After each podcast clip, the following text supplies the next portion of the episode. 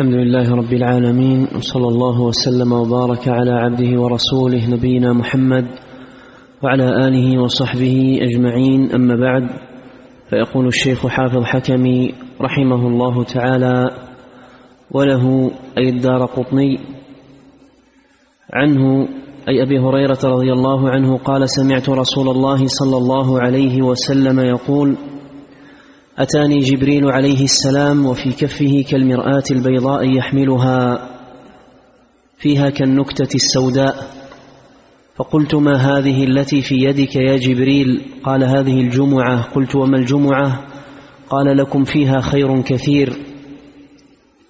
قلت وما يكون لنا فيها؟ قال يكون عيدا لك ولقومك من بعدك ويكون اليهود والنصارى تبعا لكم.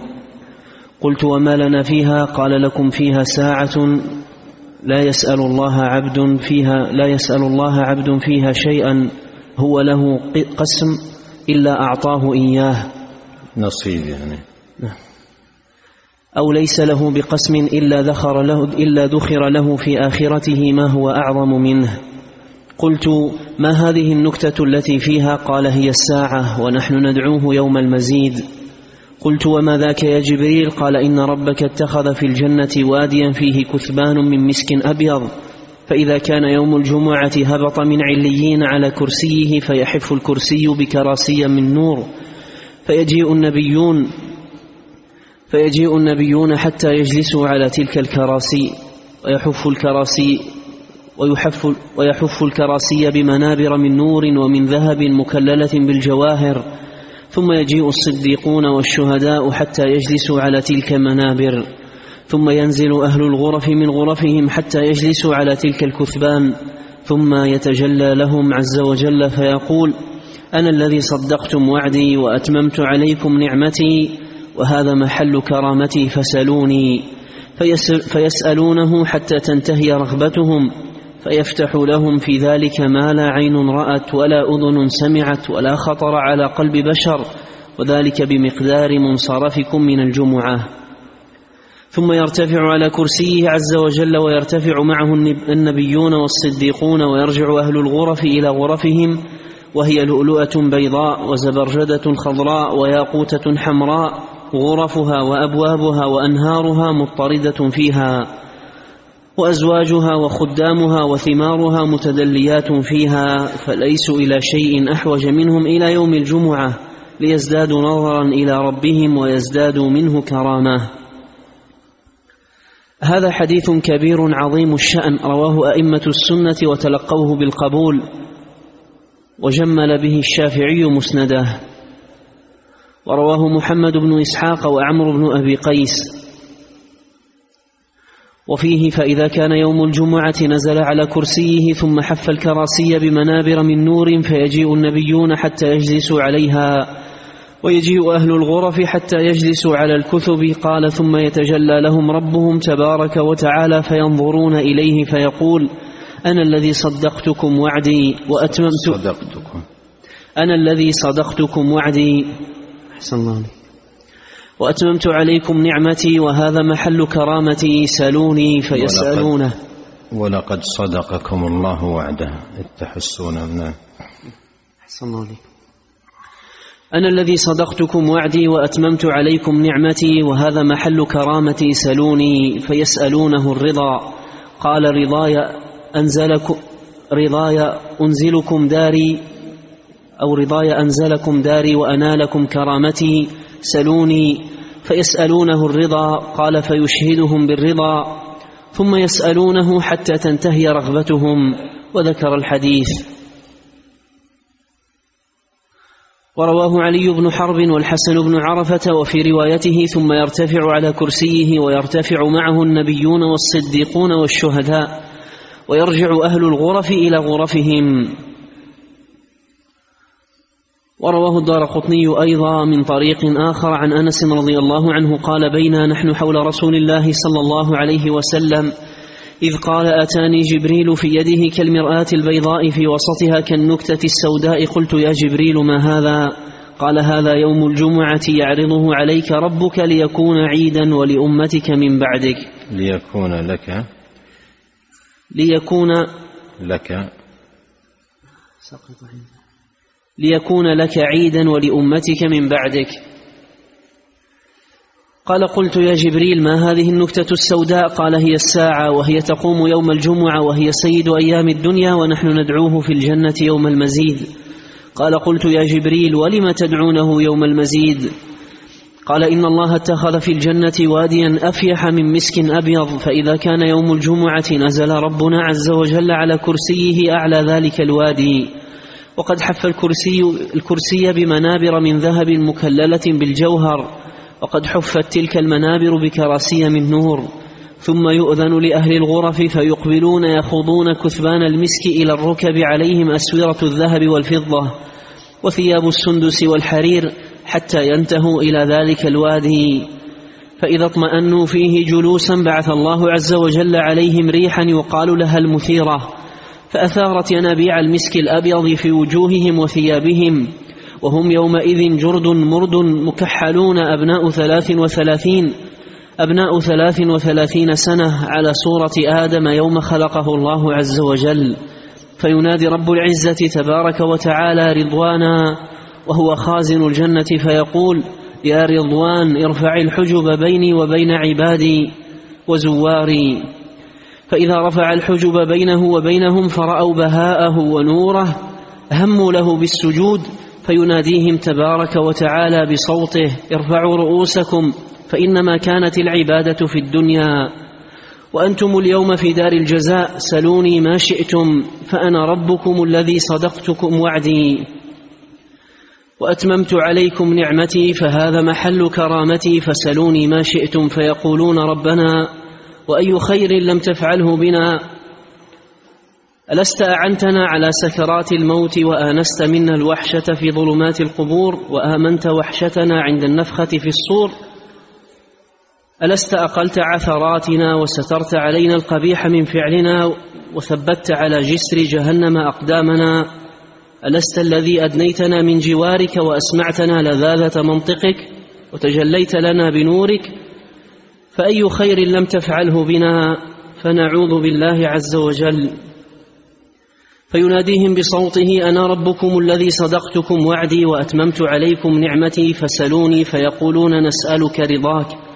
فيقول تعالى برضاء عنكم أقلتكم عثراتكم وسترت عليكم القبيح من أموركم.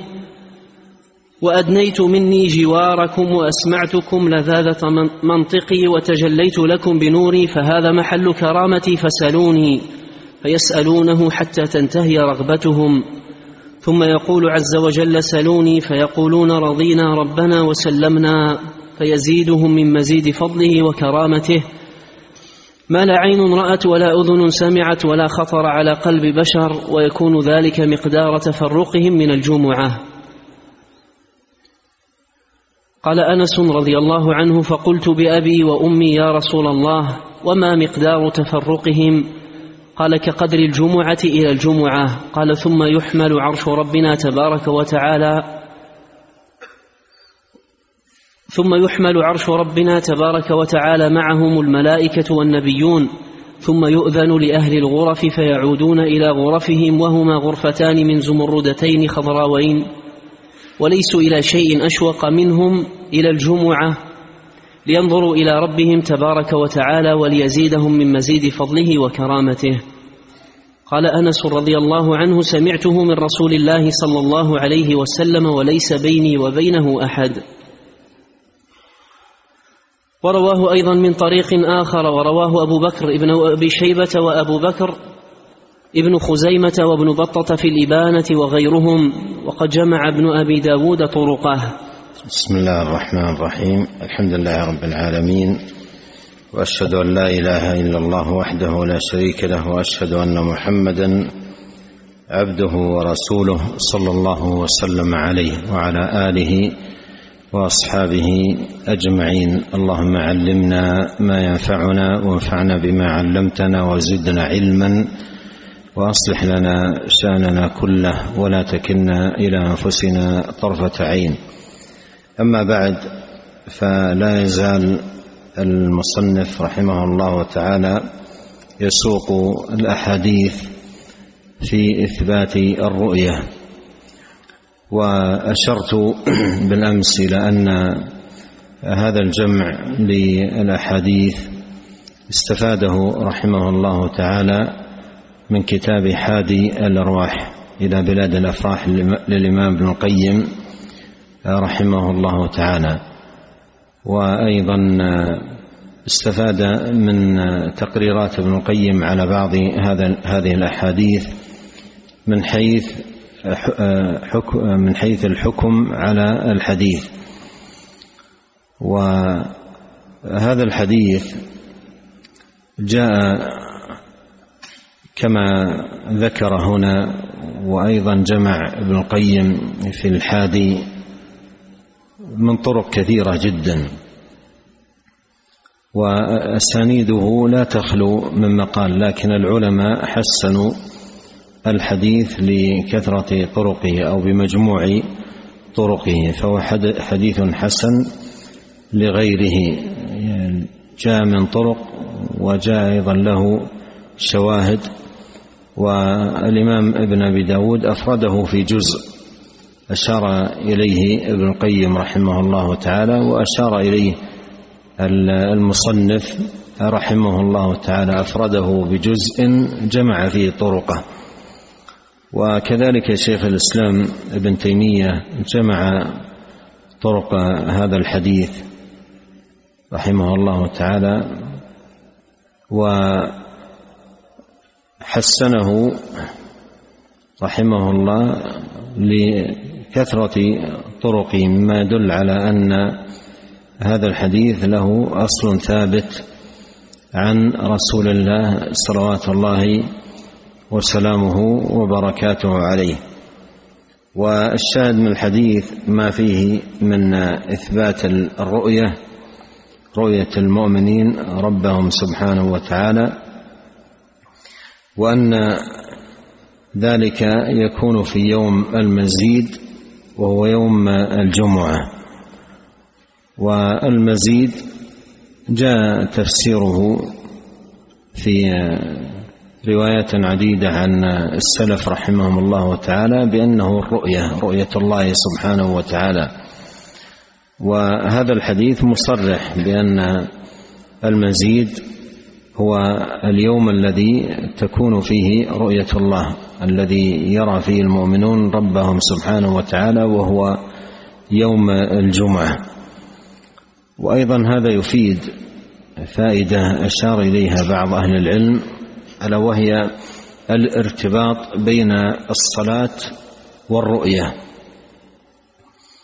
الارتباط بين الصلاة والرؤية وأن حظهم منها على قدر حظهم من هذه الصلاة تعظيما لها ومحافظة عليها.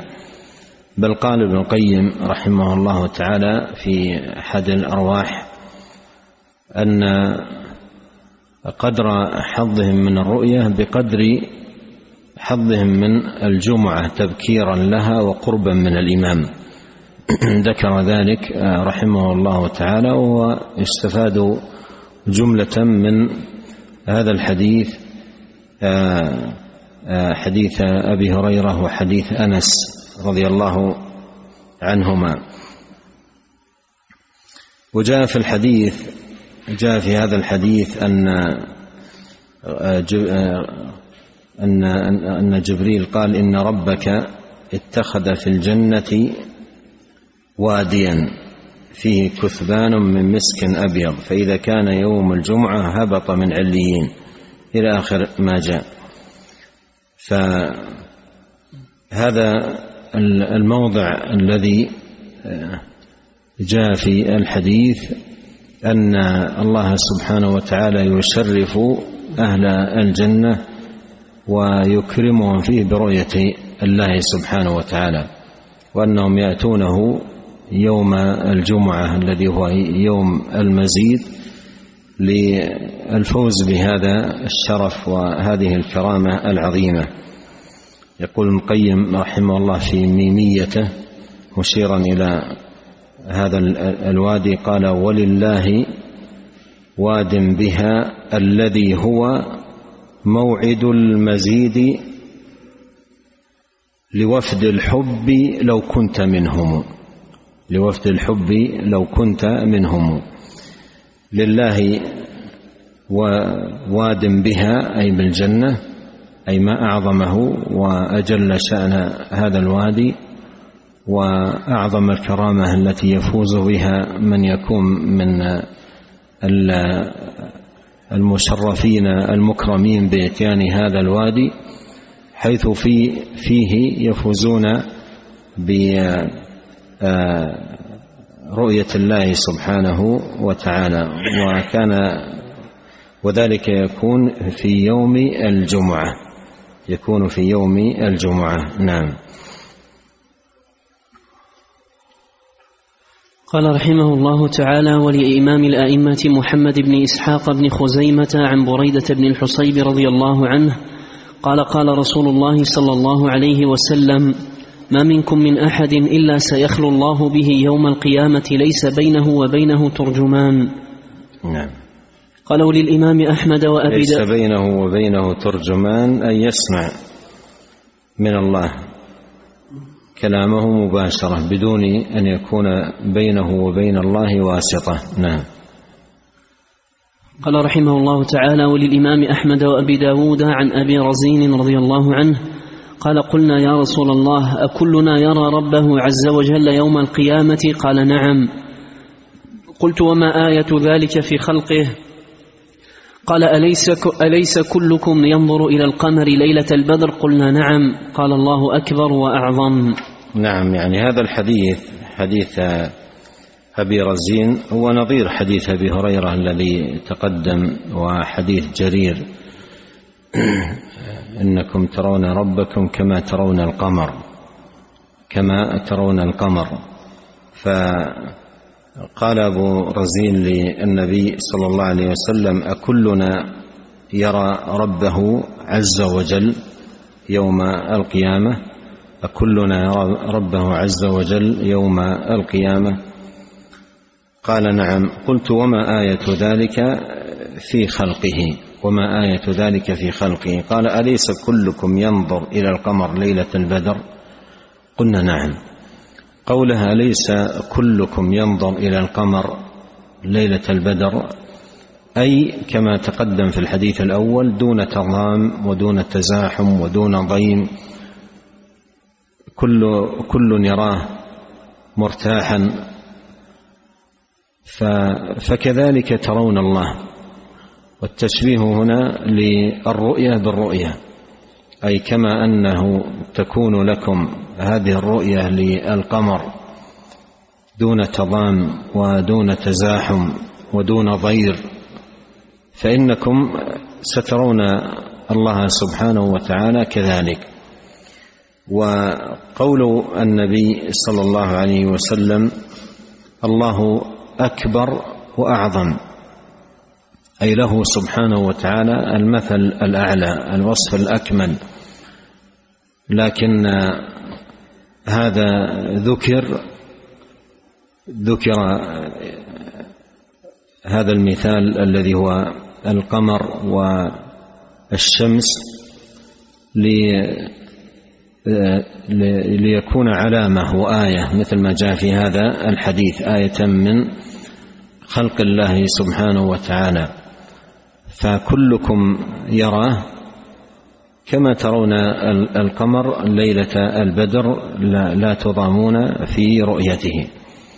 بل إن النبي صلى الله عليه وسلم كما مر معنا قريبا أورد هذا الحديث مرة وهم ينظرون إلى القمر في ليلة الرابع عشر. نعم.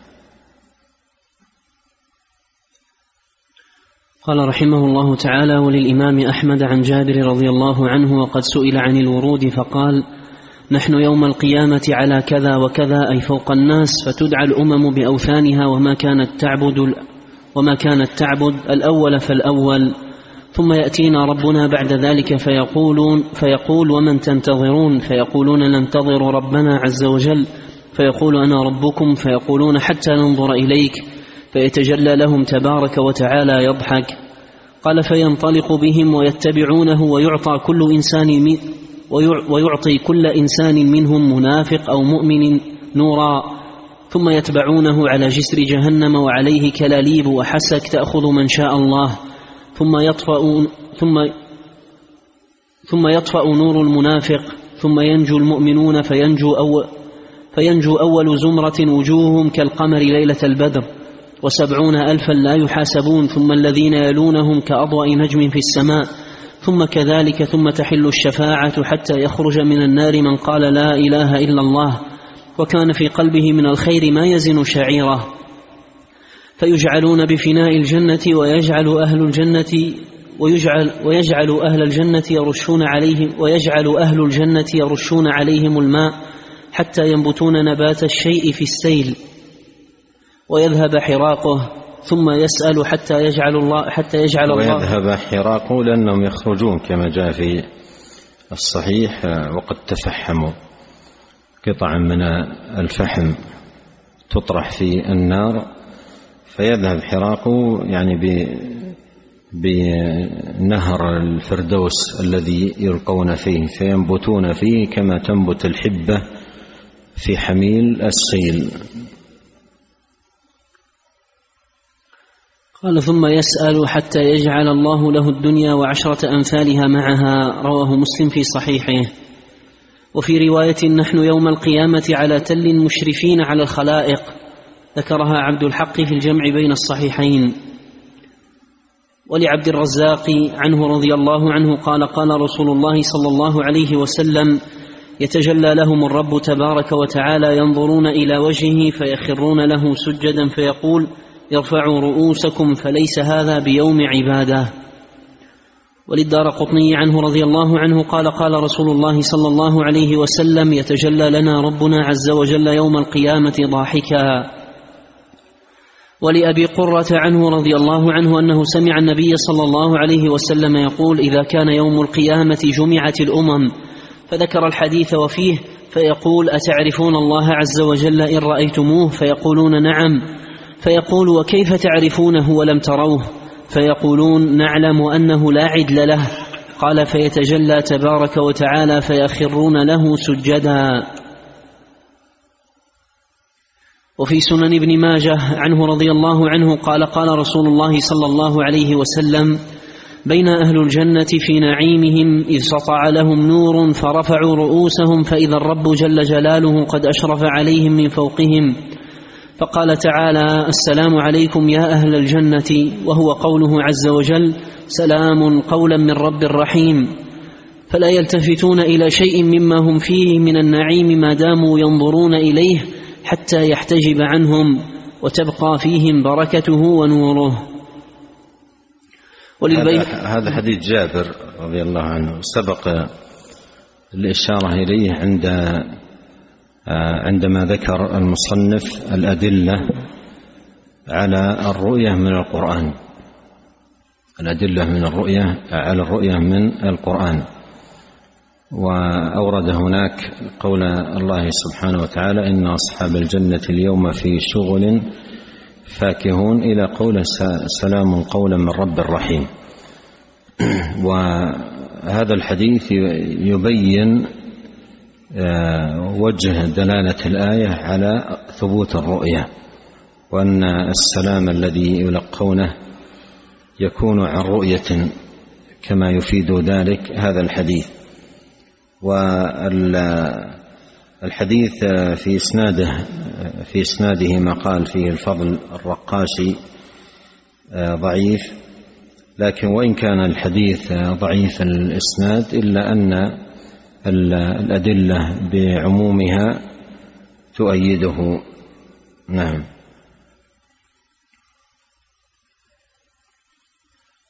قال رحمه الله تعالى وللبيهقي عنه رضي الله عنه قال قال رسول الله صلى الله عليه وسلم بين أهل الجنة في مجلس لهم إذ سطع لهم نور على باب الجنة فرفعوا رؤوسهم فإذا الرب تبارك وتعالى قد أشرف. فقال تعالى يا أهل الجنة سلوني قالوا نسألك الرضا عنا. قال تعالى رضائي أحلكم داري وأنا لكم, وأنا لكم كرامتي. هذا أوانها فسلوني.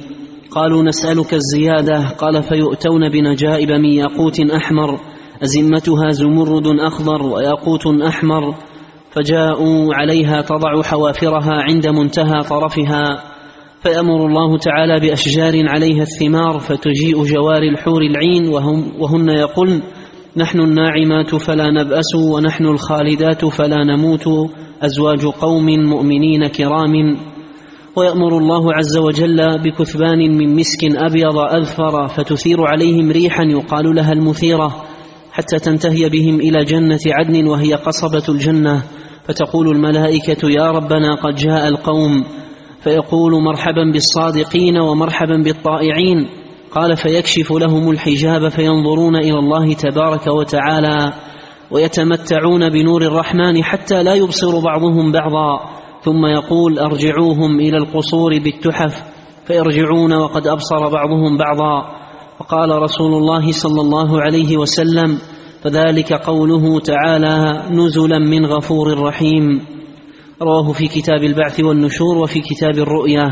أي البيهقي رواه في هذين الكتابين لكن إسناده ضعيف. نعم. قال وللدار قطني عنه رضي الله عنه قال قال رسول الله صلى الله عليه وسلم إن الله عز وجل يتجلى للناس عامة ويتجلى لأبي بكر خاصة. أيضا ضعيف الإسناد لكن كرامة أبي بكر رضي الله عنه في آه، فيما يكرمه الله سبحانه وتعالى أعظم من غيره لأنه آه، رضي الله عنه أفضل عباد الله في كل الأمم أفضل عباد الله في كل الأمم بعد النبيين. كما جاء في الحديث أن النبي صلى الله عليه وسلم قال أبو بكر وعمر سيدا كهول أهل الجنة من الأولين والآخرين عدا النبيين. فهذا يدل على أن كرامته في الجنة أعظم من غيره ومن ذلكم الرؤية رؤية الله سبحانه وتعالى. لأن الأمر كما قال الله ولكل درجات مما عملوا. نعم. قال رحمه الله تعالى ولابن وهب والدار قطني عن أبي أمامة رضي الله عنه قال خطبنا رسول الله صلى الله عليه وسلم خطبنا رسول الله صلى الله عليه وسلم يوما فكان أكثر خطبته ذكر الدجال يحذرنا منه ويحدثنا عنه حتى فرغ من خطبته فكان فيما قال لنا يومئذ إن الله عز وجل لم يبعث نبيا إلا حذره أمته وإني آخر الأنبياء وأنتم آخر الأمم وهو خارج فيكم لا محالة. فإن يخرج أنا بين أظهركم فأنا حجيج كل مسلم وإن يخرج فيكم بعدي فكل امرئ حجيج نفسه. والله خليفتي على كل مسلم إنه يخرج من خلة بين العراق والشام عاث يمينا وعاث شمالا يا عباد الله اثبتوا. وإنه يبدأ فيقول أنا نبي ولا نبي بعدي ثم يثن ثم يثني فيقول أنا ربكم ولن تروا ربكم حتى تموتوا. وإنه مكتوب بين عينيه كافر يقرأه كل مؤمن فمن لقيه منكم فليتفل في وجهه وليقرأ فواتح سورة الكهف. وإنه يسلط على نفس من بني آدم فيقتلها ثم يحييها وإنه لا يعدو ذلك. ولا يسلط على نفس على نفس غيرها. وإن من فتنته أنه أن معه جنة ونارا فناره جنة وجنته نار. فمن ابتلي بناره فليغمض عينيه وليستغث بالله تكن بردا وسلاما كما كانت بردا وسلاما على إبراهيم. وإن أيامه أربعون يوما يوما كسنة ويوما كشهر ويوما كجمعة ويوما كالأيام وآخر أيامه كالسراب يصبح الرجل عند باب المدينة فيمسي قبل أن يبلغ بابها الآخر. قالوا فكيف نصلي يا رسول الله في تلك الأيام؟ قال تقدرون كم أو نعم. تقدرون كما تقدرون في الأيام الطوال. نعم هذا الحديث حديث أبي أمامة. موضع الشاهد منه قول النبي صلى الله عليه وسلم ولن تروا ربكم حتى تموتوا. ففيه إثبات الرؤية في الدار الآخرة ونفيها في الحياة الدنيا. لن تروا ربكم حتى تموتوا. فهذا من جملة الأحاديث الدالة على ثبوت الرؤية. والحديث إسناده ضعيف لكن جمل الحديث آه، لها شواهد صحيحة تقويها. والألباني رحمه الله تعالى جمع فيه جزءا خاصا تتبع فيه الشواهد. وخلص إلى أن الحديث حسن في بما له من شواهد تقويه. نعم. قال وللإمام أحمد وأبي داود عن زيد بن ثابت رضي الله عنه أن رسول الله صلى الله عليه وسلم علمه دعاء وأمره أن يتعاهد به أهله كل يوم. قال قل حين تصبح لبيك اللهم لبيك وسعديك والخير في يديك ومنك وإليك اللهم وما قلت من قول أو نذرت من نذر أو حلفت من حلف فمشيئتك بين يديه. ما شئت كان وما لم فمشيئتك بين يديه. أي الأمر كله إنما يقع بمشيئتك. إنما يقع بمشيئتك. فما شاء الله كان وما لم يشأ لم يكن. نعم. ما شئت كان وما لم تشأ لم يكن ولا حول ولا قوة إلا بك إنك على كل شيء قدير. اللهم وما صليت من صلاة فعلى من صليت. وما لعنت من لعنة فعلى من لعنت. أنت ولي في الدنيا والآخرة توفني مسلما وألحقني بالصالحين. اللهم وما صليت من صلاة فعلى من صليت. أي عليه أنت يا الله. وما لعنت من لعنت فعلى من لعنت أي من هو ملعون عندك. نعم. أسألك اللهم الرضا بعد القضاء ورد العيش بعد الموت ولذة النظر إلى وجهك والشوق إلى لقائك من غير ضراء مضرة ولا فتنة مضلة. أعوذ بك اللهم أن أظلم أو أظلم أو أعتدي أو يعتدى علي أو أكسب خطيئة محبطة أو ذنبا لا تغفره. اللهم فاطر السماوات والأرض عالم الغيب والشهادة ذا الجلال والإكرام. فإني أعهد إليك في هذه الحياة الدنيا وأشهدك وكفى بك شهيدا. أني أشهد أن لا إله إلا أنت وحدك لا شريك لك. لك الملك ولك الحمد وأنت على كل شيء قدير. وأشهد أن محمدا عبدك ورسولك وأشهد أن وعدك حق وأن لقاءك حق والجنة حق والساعة آتية لا ريب فيها. وأنت تبعث من في القبور وأشهد أنك إن تكلني إلى نفسي تكلني إلى ضيعة وعورة وذنب وخطيئة وإني لا أثق إلا برحمتك فاغفر لي ذنبي إنه لا يغفر الذنوب إلا أنت وتب علي إنك أنت التواب الرحيم.